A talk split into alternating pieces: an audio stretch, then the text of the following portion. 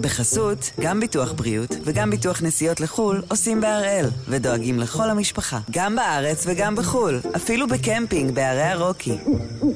כן, גם שם, כפוף לתנאי הפוליסה וסייגיה ולהנחיות החיתום של החברה. היום יום חמישי, 18 בינואר, ואנחנו אחד ביום, מבית N12.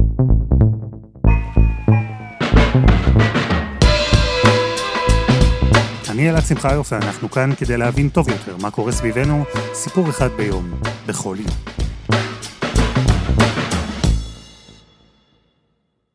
אם יש מישהו שאיכשהו פקפק בחשיבות של הברית בינינו לבין האמריקאים, נדמה לי שאחרי שבעה באוקטובר אפשר כבר להניח את השאלות בצד.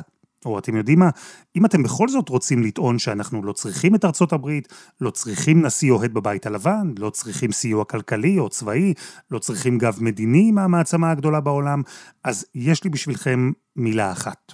Don't. Don't. אהבתם? חשבתי על זה לבד. אבל ברצינות, בהתחשב בזה ששנת 2024 גם כן תהיה שנה של מלחמה לפי מערכת הביטחון, אז בשנה הזו הבחירות לבית הלבן הן חשובות במיוחד, והן ישפיעו עלינו במיוחד. האיש שישב שם בחדר הסגלגל יכול ממש לעצב את העתיד של ישראל, של עזה, של המזרח התיכון כולו, והמסע לשם, לבית הלבן כלומר, התחיל השבוע. So, based on the first results and our Fox News voter analysis, the Fox News decision desk can now project that former President Donald Trump will win the Iowa caucuses. He will take uh, the lion's share. המפלגה הרפובליקנית, התחילו הבחירות למועמד לנשיאות, ובמרכז שלהן, איך לא, אדם אחד שבהחלט יכול להיות הנשיא לשעבר והבא של ארצות הברית, או, וגם זה אפשרי, אסיר שיושב בכלא באשמת המרדה. אז ביום המאה וחמישה של מלחמת אוקטובר 23, אנחנו עם הפריימריז הרפובליקני באיואה, ועם הדרך הארוכה משם ועד לבית הלבן. שלום יונה לייבזון, שליחתנו בארצות הברית. היי אלעד. איך נאמר, את לא נראית לי מופתעת מהזכייה של טראמפ באיואה. לא, מפתיע כמה שזה לא מפתיע. גם הפער הוא לא מפתיע, בגלל שראינו את זה בסקרים האחרונים, הוא אמנם ביצע קצת יותר טוב ממה שחזו, אנחנו ראינו סקר אחרון, שבדרך כלל הוא סקר יחסית מדויק, שהראה לטראמפ 48 אחוזים. עדיין צריך להגיד, כן? טראמפ משיג הישג שלא ראינו כמותו מאז בוש ב-2000. 51 אחוזים מהמצביעים באיואה בחרו בדונלד טראמפ. זה יותר משני המועמדים הבאים אחריו יחד. רון דה סנטיס עם 21 אחוזים, ניקי היילי, שגרירת ארה"ב לאו"ם לשעבר, עם 19 אחוזים. ועדיין טראמפ, כמו טראמפ, אה, תמיד עושה משהו שלא עשו לפניו, כולל בעצם העובדה שבהיסטוריה המודרנית בעצם לא ראינו נשיא לשעבר שכיהן בתפקיד, ששוב רץ לבית הלבן, שוב באיואה. אגב, ב-2016, הפעם הראשונה שהוא ניסה, דווקא שם הוא הפסיד. הפעם הוא רוצה להיות הראשון שמנצח באיואה, וגם מנצח בבחירות לבית הלבן, הכל מתפקידו כנשיא לשעבר. לפני שניכנס למהות, אני מוכרח לשאול אותך שאלה שהיא אולי אזוטרית, אבל uh, היא מעניינת, על מזג האוויר. כי באיואה, מינוס 27 מעלות היו ביום ההצבעה, זה פסיכי. נכון. לפני ארבע שנים שהייתי באיואה, היה מושלג, היה קר, וזה היה דבר ידוע, אף אחד לא התרגש מזה, כן? תמיד יודעים שהמדינה הראשונה שבה פותחים את הפריימריז באיואה, קר שם, ולכאורה זה לא אמור להפריע. אבל הפעם היה תנאי מזג אוויר ממש קיצוניים, מגיע לעד מינוס 30 מעלות צלזיוס, ואנשים נשארו בבית. וכן אומרים שזה שיחק לטובת טראמפ, בגלל שהמצביעים שלו זה אנשים שהם ככה גרעין הקשה, הם אה, להוטים, הם יגיעו בכל תנאי מזג אוויר. אוויר בכל שלב, זה אנשים שהולכים איתו כבר דרך ארוכה, בניגוד לאנשים שמצביעים לניקי היילי או לרון דה סנטיס, שיכולים מאוד לתמוך בהם, אבל אין בהם את אותה התלהבות שיש בקרב מצביעי טראמפ. אז עם או בלי קשר למזג האוויר הקפוא, טראמפ זכה שם אה, בענק. איך הוא הגיב? אז קודם כל הוא הגיב באופן מאוד מאוד מתון ולבבי, שזה משהו שמאוד מפתיע, זאת אומרת, הוא שיבח את המתחרים נגדו, הוא אמר להם דברים טובים, שיבח את המרוץ שלהם, תקף את ג'ו ביידן כמובן. So I don't want to be overly uh, rough on the president, but I have to say that he is the worst president that we've had in the history of our country. He's destroying our country. ובדברים שהוא אמר על ישראל, הוא בעצם חזר על משהו ששמענו ממנו כבר בעבר, שאם הוא היה נשיא ארצות הברית, אז כל מה שקורה כרגע במזרח התיכון ובישראל במיוחד, לא היה קורה. Israel would have never been attacked. The Ukraine situation is so horrible. The Israeli situation is so horrible. What's happened? And uh, בכלל היה לו איזה מין מסר מוזר כזה, שגם לא שומעים הרבה מטראמפ, בתחילת דבריו, מסר של אחדות. הוא אמר, אנחנו צריכים כולנו עכשיו להתאחד, יש הרבה מאוד בעיות בעולם, צריך לפתור אותן, ואנחנו נעשה את זה באמצעות אחדות, משהו מאוד מקרב, אחרי שהוא תקף את המועמדים שלו באופן הכי מתחת לחגורה, הכי חריף שיש, פתאום הוא פונה לליבם. And I really think this is time now for everybody, our country, to come together. We want to come together. Uh, whether it's Republican or Democrat or liberal or conservative, it would be so nice if we could come together and straighten out the world and straighten out the problems and straighten out all... אני תוהה, יונה, אם הבחירות האלה באיואה מלמדות אותנו בכלל משהו על המרוץ הגדול, המרוץ לנשיאות. היא הרי לא מדינה שממש מייצגת את רוב ארצות הברית, יש בה רוב רפובליקני, אפילו טראמפיסטי מובהק. ביידן, לדוגמה, כשהוא רואה את הפריימריז הרפובליקני שם, התוצאות האלה יכולות ללמד אותו משהו? זה מלמד קודם כל את העובדה שאנחנו, לפחות כפי שזה נראה בשלב הזה, מאוד מאוד קרובים באמת לשידור חוזר של מה שראינו ב-2020, של ביידן מול טראמפ. ללא ספק זה הדבר שביידן היה הכי רוצה לראות, אה, גם כי הקמפיין של ביידן מתמקד בעיקר כרגע בדבר אחד. אני היחיד שהצלחתי להביס את טראמפ בפעם הקודמת, ולכן אני אעשה את זה שוב. You know, it's kind of funny. All these Republican candidates in the primary trying to beat Donald Trump. I'm still the only person ever beat Donald Trump. And I'm looking forward to do it again for the good of this country. הוא ישר שמח, וראינו את ההודעות שלו והציוצים שלו וקריאה לתרומות. ברגע שזה הפך להיות רשמי, ביידן ממש היה כמעט המרוויח, כן, במרכאות מה, מהדבר הזה, כי זה מחזק מאוד מאוד את, ה, את העמדה שלו. אני חושבת שאחד הדברים בסיפור הזה שהוא מאוד מאוד שונה, זה העניינים המשפטיים השונים. טראמפ בעצם הולך ישר מאיואה, טס לניו יורק, לפתיחת משפט אה, דיבה שמתנהל נגדו, ומשם הוא ממשיך לניו המפשר, וככה אנחנו נראה את זה בחודשים הקרובים, כל הזמן סביב העניין המשפטי. זה אולי נטל מבחינת לוחות זמנים, זה נכס מבחינה אלקטורלית. טראמפ הפך את זה לכזה, הוא מדבר גם כשהוא לא חייב, הוא מגיע גם כשהוא לא חייב, ולכן קשה מאוד להגיד אה, איך מה שראינו באיואה ישפיע רק להמשך. נגיד שבינתיים, זה לפי התחזיות, איכשהו אף פעם אף מערכת בחירות לא מתנהלת בדיוק בדיוק כפי שצפינו.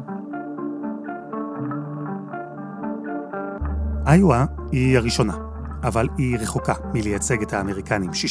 65% מהנשאלים שם למשל מאמינים שטראמפ לא באמת הפסיד את הבחירות לביידן. והניצחון הגדול של טראמפ שם, אחרי הסקרים, לא מפתיע. הוא גם לא הפתיע את פרופסור יעל שטרנל, ראש התוכנית ללימודים אמריקאים באוניברסיטת תל אביב. אבל כשהיא לוקחת איזה צעד או שניים אחורה ומסתכלת על התמונה הרחבה, אז קשה שלא להודות.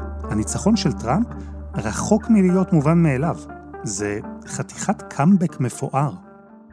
בהחלט. אה, שני הדברים הם נכונים, זה אכן לא היה מפתיע, ואכן זה מדהים, מונח שאנחנו משתמשים בו אה, הרבה, אבל כאן הוא אה, באמת מתאים, שאדם שלפני שלוש שנים היה נחשב לגופה פוליטית, שעומד לדין בארבעה כתבי אישום חמורים מאוד, בארבעה מקומות שונים בארצות הברית, ויש גם תביעות אזרחיות וכולי וכולי, מסובך משפטית מעל הראש, זוכה לתמיכה רחבה, נלהבת, חד משמעית של מצביעי המפלגה הרפובליקנית באיואה. זה לא שהקאמבק של טראמפ מרשים רק כי זה טראמפ, הוא מרשים כי מולו מתמודדים כמה מועמדים כבדים, רציניים, סיפורי הצלחה בפוליטיקה השמרנית האמריקאית. המקום השני, באיואה למשל, רון דה סנטיס. Let's welcome to the stage the next president of the United States, Ron DeSantis.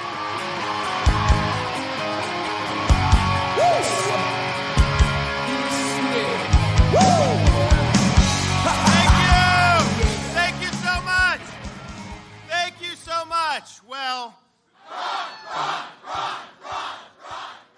אוקיי, אז, אז רון דה סנטיס הוא המושל של פלורידה, אה, מושל שנבחר אה, פעם שנייה עכשיו בפער אה, עצום, שהצליח להפוך את פלורידה למדינה רפובליקנית, ממדינה מתנדנדת, סגולה, זו היום אה, מדינה אדומה בוהקת.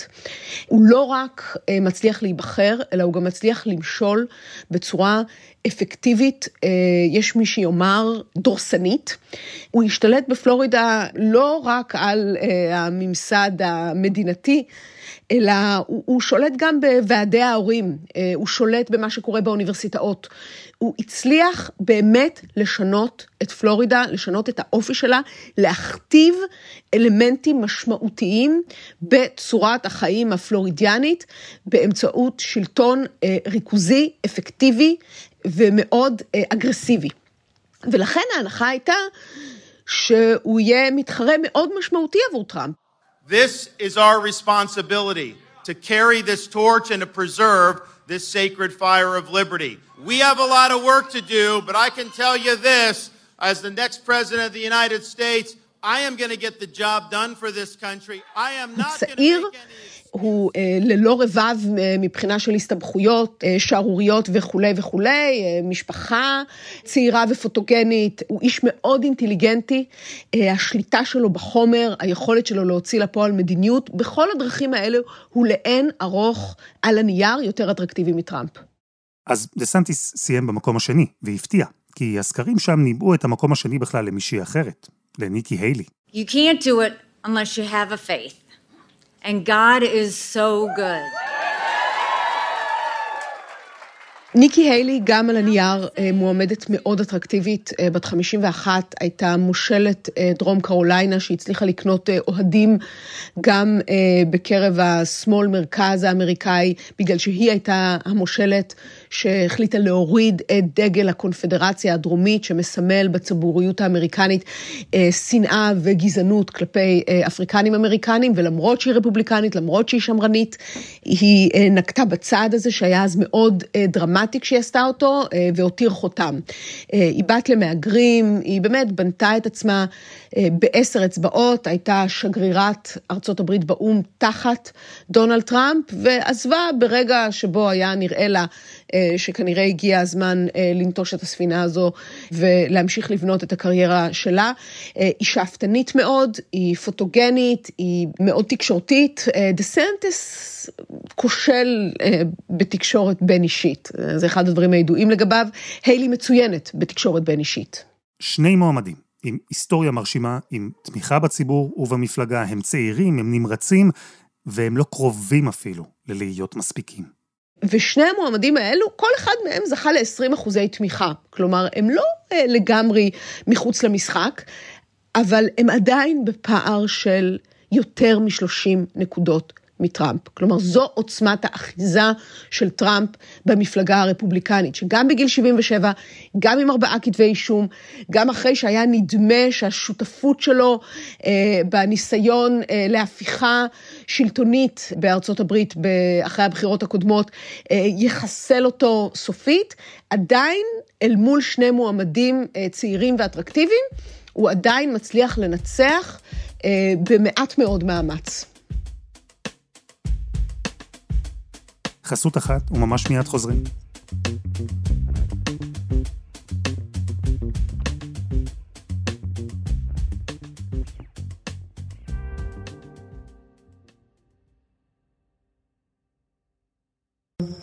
בחסות, גם ביטוח בריאות וגם ביטוח נסיעות לחו"ל עושים בהראל, ודואגים לכל המשפחה, גם בארץ וגם בחו"ל, אפילו בקמפינג בהרי הרוקי.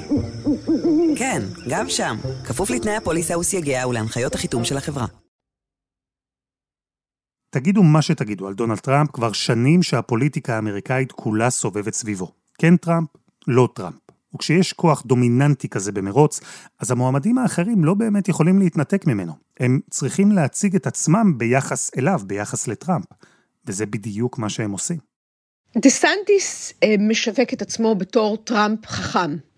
הוא משווק את עצמו כמי שיש לו אה, קווי מדיניות אה, דומים.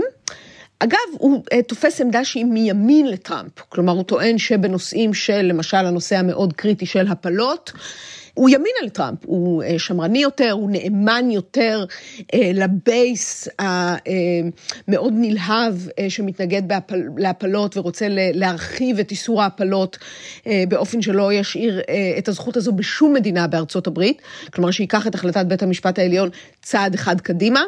הוא משווק את עצמו גם כאידיאולוגי יותר וגם כאפקטיבי יותר. זה הטיקט שהוא ניסה לרוץ עליו. היילי משווקת את עצמה כדור חדש, היא כל הזמן חוזרת על המנטרה הזאת. טראמפ הוא בסדר גמור, אבל הגיע הזמן לדור חדש.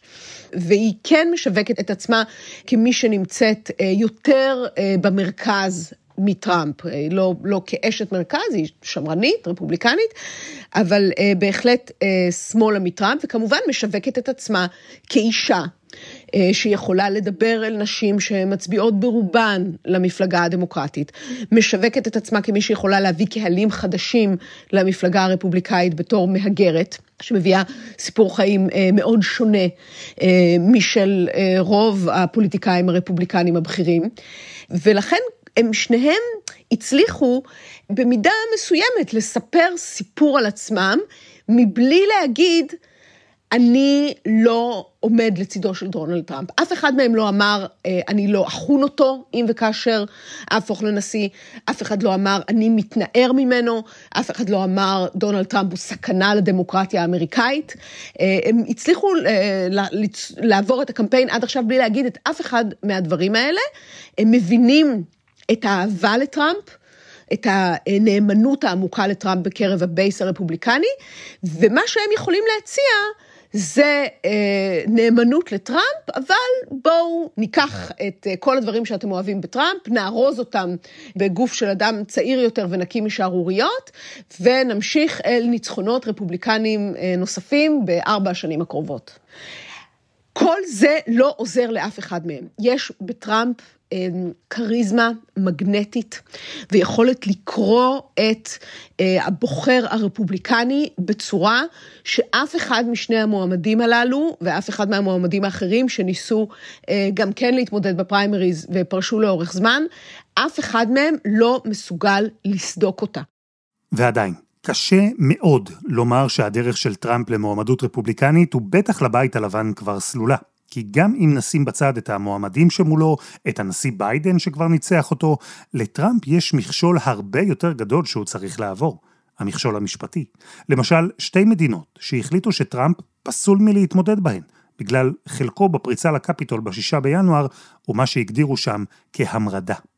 בשתי מדינות עד כה, קולורדו ומיין, התקבלו החלטות, בקולורדו זו החלטה של בית המשפט העליון, במיין אה, זו החלטה אחרת של מזכירת המדינה של מיין, שהיא זו שמנהלת את הליך הבחירות במדינה שלה, שטראמפ אינו יכול לעמוד לבחירה במדינה, כיוון שהוא לא אה, עומד בקריטריונים שקובע סעיף שלוש של התיקון הארבעה עשר לחוקה האמריקאית.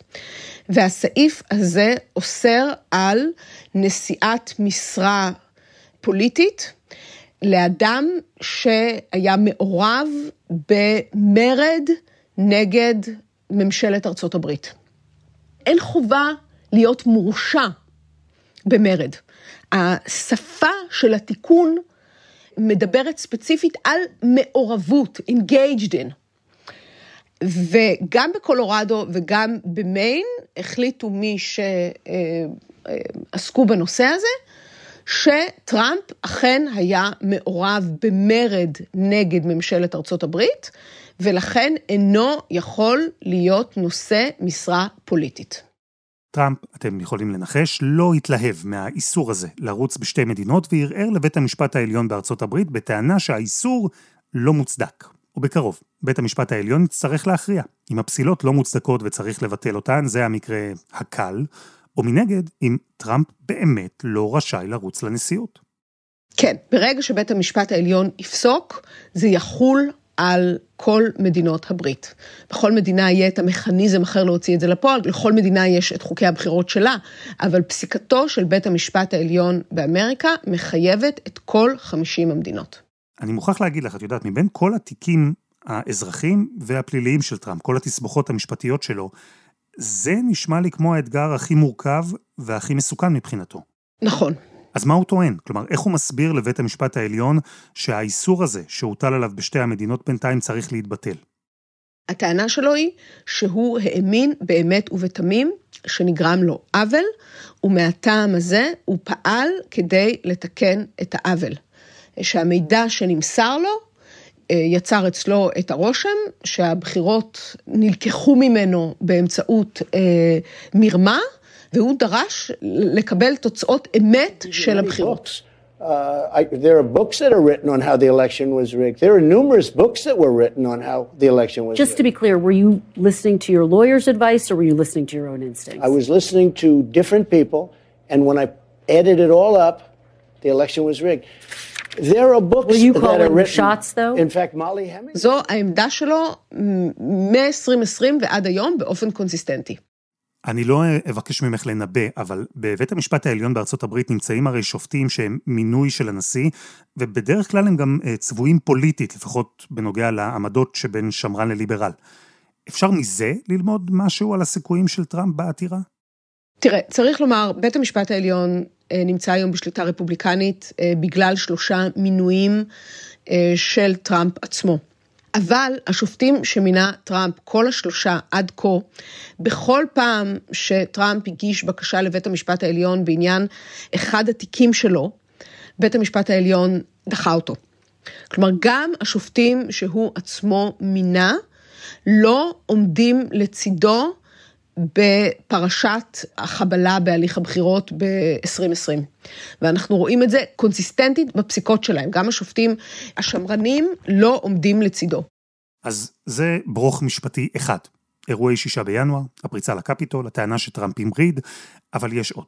דיברנו כאן בעבר על התיקים השונים של טראמפ בפרק שנקרא הנאשם טראמפ. מהמסמכים המסווגים שהוא לקח הביתה, דמי שתיקה לכוכבת פורנו וניסיון ממש להטות את תוצאות הבחירות.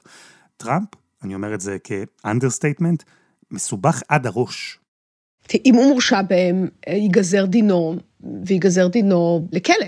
כלומר, אלה לא עבירות אה, של עבודות שירות, אלא עבירות מאוד מאוד חמורות, צריך לומר. אלה עבירות שממש נוגעות לבסיס הקיום של ארצות הברית אה, כמדינה דמוקרטית אה, שמבוססת על בחירות חופשיות והוגנות. ולכן, אם הוא מורשע, הוא יקבל גזר דין של כלא. עכשיו, הוא יערער כמובן לעליון. ולכן אני לא צופה שאחד מהתיקים האלה יסתיים באופן חד ומוחלט עד נובמבר, אבל יכול לקרות מספיק כדי שזה יהיה כבר משמעותי עבור היכולת שלו להתמודד בבחירות. התיקים האלה והסכנה האפשרית שטראמפ בסוף יישלח למאסר, גם אם זה ייגמר בחנינה, זה פוגע בו? התיקים האלה פוגעים בו? אני חושבת שבסופו של דבר הם עוזרים לו. הם עוזרים לו גם כי את, כל הפוליטיקה הטראמפיסטית בנויה על מרירות וזעם. והעובדה שעכשיו יש לו גם את הסיבה למרירות וזעם בגלל שמערכת המשפט רודפת אותו, עובדת באופן מאוד קוהרנטי עם המסר הקבוע שלו, שאמריקה נלקחת מהאמריקאים האמיתיים ונמסרת או לאליטות בניו יורק ולוס אנג'לס או למהגרים ממקסיקו. הרי זה הסיפור שהוא מספר לאמריקנים מאז 2015. שהוא זה שעומד בשער נגד הגניבה של אמריקה. ועכשיו העובדה שהוא עומד לדין בארבעה כתבי אישום, היא ההוכחה האולטימטיבית לזה שהממסד האמריקני רודף אותו, בגלל שהוא היחיד שמסוגל למנוע מהממסד הזה להשתלט על אמריקה ולגזול אותה מהאמריקנים האמיתיים. עכשיו, דווקא העובדה שיש כל כך הרבה סעיפי אישום, כל כך הרבה תיקים, ויש עוד תיקים, אגב, יש גם תיקים אזרחיים בניו יורק. אני, אנחנו, כשאנחנו אומרים ארבעה, זה רק התיקים הפליליים, יש גם תיקים אזרחיים. העובדה שהוא מסובך בכזאת כמות של בעיות משפטיות, באיזשהו אופן יוצרת אצל מצביעים, גם אם הם לא הטראמפיסטים המושבעים ביותר, יוצרת אצלם את התחושה שאולי באמת יש פה משהו. אז למה יש כל הזמן עוד כתבי אישום? כל הזמן עוד בעיות משפטיות? אולי באמת הממסד המשפטי חבר לממסד הפוליטי, חבר לממסד התקשורתי, וכולם מנסים להוציא את דונלד טראמפ מהמרוץ, בגלל שהם מרגישים שהוא מסכן אותם, שהוא אה, עומד נגד מוקדי הכוח האמריקאים המסורתיים, אה, כדי להחזיר לשלטון את אמריקה האותנטית, שנדחקה הצידה בשלטון הדמוקרטי. תסבירי לי אבל את האפיל שלו, כלומר, עם הכל ולמרות הכל, תושבי איואה דיברו, הרפובליקנים בהם לפחות, הצביעו בפער ענק לטראמפ. מה ההסבר לזה?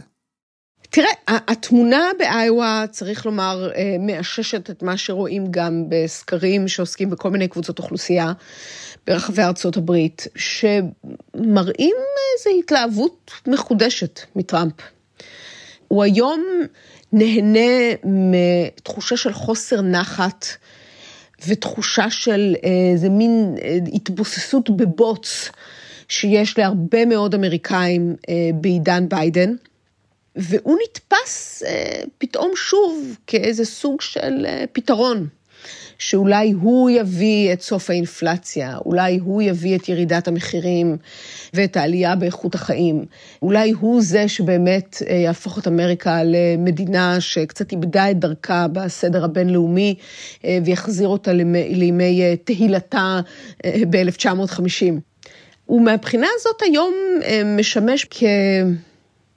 אנטיתזה למה שנתפס בתור אה, חוסר האונים והחולשה של ג'ו ביידן אל מול המציאות המורכבת שהאמריקנים מתמודדים איתה. אז תפליגי איתי רגע קדימה, כי אם או כאשר טראמפ ייבחר לכהונה שנייה, אפשר להניח שאנחנו נראה נשיא עם פחות מעצורים, אפילו בהשוואה למעט המעצורים שהיו לו בכהונה הראשונה. ואולי גם נשיא שמגיע כבר עם אה, תוכנית הרבה יותר מדויקת לשינויים שהוא רוצה לעשות.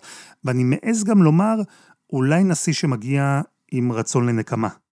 בהחלט, ביידן אה, נושא נאומים מאוד תקיפים אה, לגבי הסכנה הממשית שדונלד טראמפ מציב לדמוקרטיה האמריקאית. עכשיו צריך לומר, דונלד טראמפ לא מסתיר את העובדה שאם הוא ישוב לבית הלבן, הוא אה, יעשה את כל הדברים שהוא לא הספיק לעשות בכהונה הראשונה שלו. אה, הוא כבר הצהיר שהוא יוציא לפועל את אה, פירוק ה-Civil Service, את שירות המדינה, רוצה לפרק את שירות המדינה האמריקאי. הוא כבר אמר שהוא לא מתכוון להיות דיקטטור, חוץ מאשר ביום הראשון, אה, שאז הוא כן מתכוון להיות דיקטטור. הוא לא מסתיר לרגע שהפעם הוא יקיף את עצמו רק באנשים שהוא משוכנע בנאמנות האידיאולוגית שלהם, ויוציא איתם לפועל שינוי כולל בסדרי הממשל. של ארצות הברית. ואת זה ביידן בהחלט מדגיש ומנכיח. וצריך לומר שאני חושבת שאמריקאים רבים נופלים אה, במה שאנחנו כולנו כבני אדם נופלים בו, ולשאלות שעסקנו בהן כאן לא מעט בעצמנו בחודשים האחרונים, הם נופלים בחוסר היכולת לדמיין מציאות שהיא שונה באופן רדיקלי מהמציאות שהם חיים בה. תחושת חוסר שביעות הרצון, החמיצות אל מול עוד מרוץ שמתמודדים בו מועמדים מבוגרים מדי, שכבר התמודדו בעבר, שהקמפיין הקודם ביניהם היה מכוער, והקמפיין החדש יהיה עוד יותר מכוער. רגע שבו הם נלכדים בתוך החמיצות הזאת, ולא מסוגלים לראות שיש כאן איום על קיומה של הדמוקרטיה העתיקה בעולם, שהיא מהרבה בחינות המודל וההשראה לחיים הדמוקרטיים אה, בכל מקום על כדור הארץ, הם לא רואים את הסכנה הממשית והמיידית שטראמפ מציב, והם חושבים באמת במונחים הרבה יותר יומיומיים של יוקר המחיה, של הקושי של צעירים שיוצאים מהקולג' למצוא עבודה, אה, של ההרגשה שהמדיניות של ממשל ביידן בגבול הדרומי אה, היא מקלה מדי ומאפשרת כניסה של אה, מספרים עצומים של מהגרים שיהיו טפילים על מערכת הרווחה האמריקנית. כלומר, באמת הסוגיות היומיומיות שעליהן נסובות בחירות בארצות הברית בדרך כלל, משתלטות גם הפעם, כשמדובר באמת במערכת בחירות שבה עומדת השאלה האם ארצות הברית תמשיך לתפקד כדמוקרטיה שאנחנו אה, מכירים מאז שנת 1787.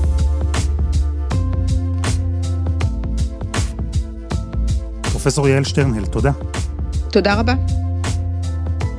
ותודה ליונה לייבזון. וזה היה אחד ביום של N12. אנחנו מחכים לכם בקבוצה שלנו בפייסבוק, חפשו אחד ביום, הפודקאסט היום. העורך שלנו הוא רום אטיק, תחקיר והפקה, שירה הראל, דני נודלמן ועדי חצרוני.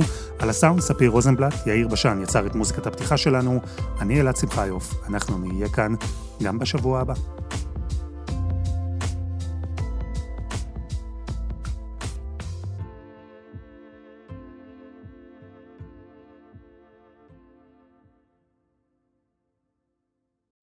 בחסות, גם ביטוח בריאות וגם ביטוח נסיעות לחו"ל עושים בהראל, ודואגים לכל המשפחה, גם בארץ וגם בחו"ל, אפילו בקמפינג בערי הרוקי.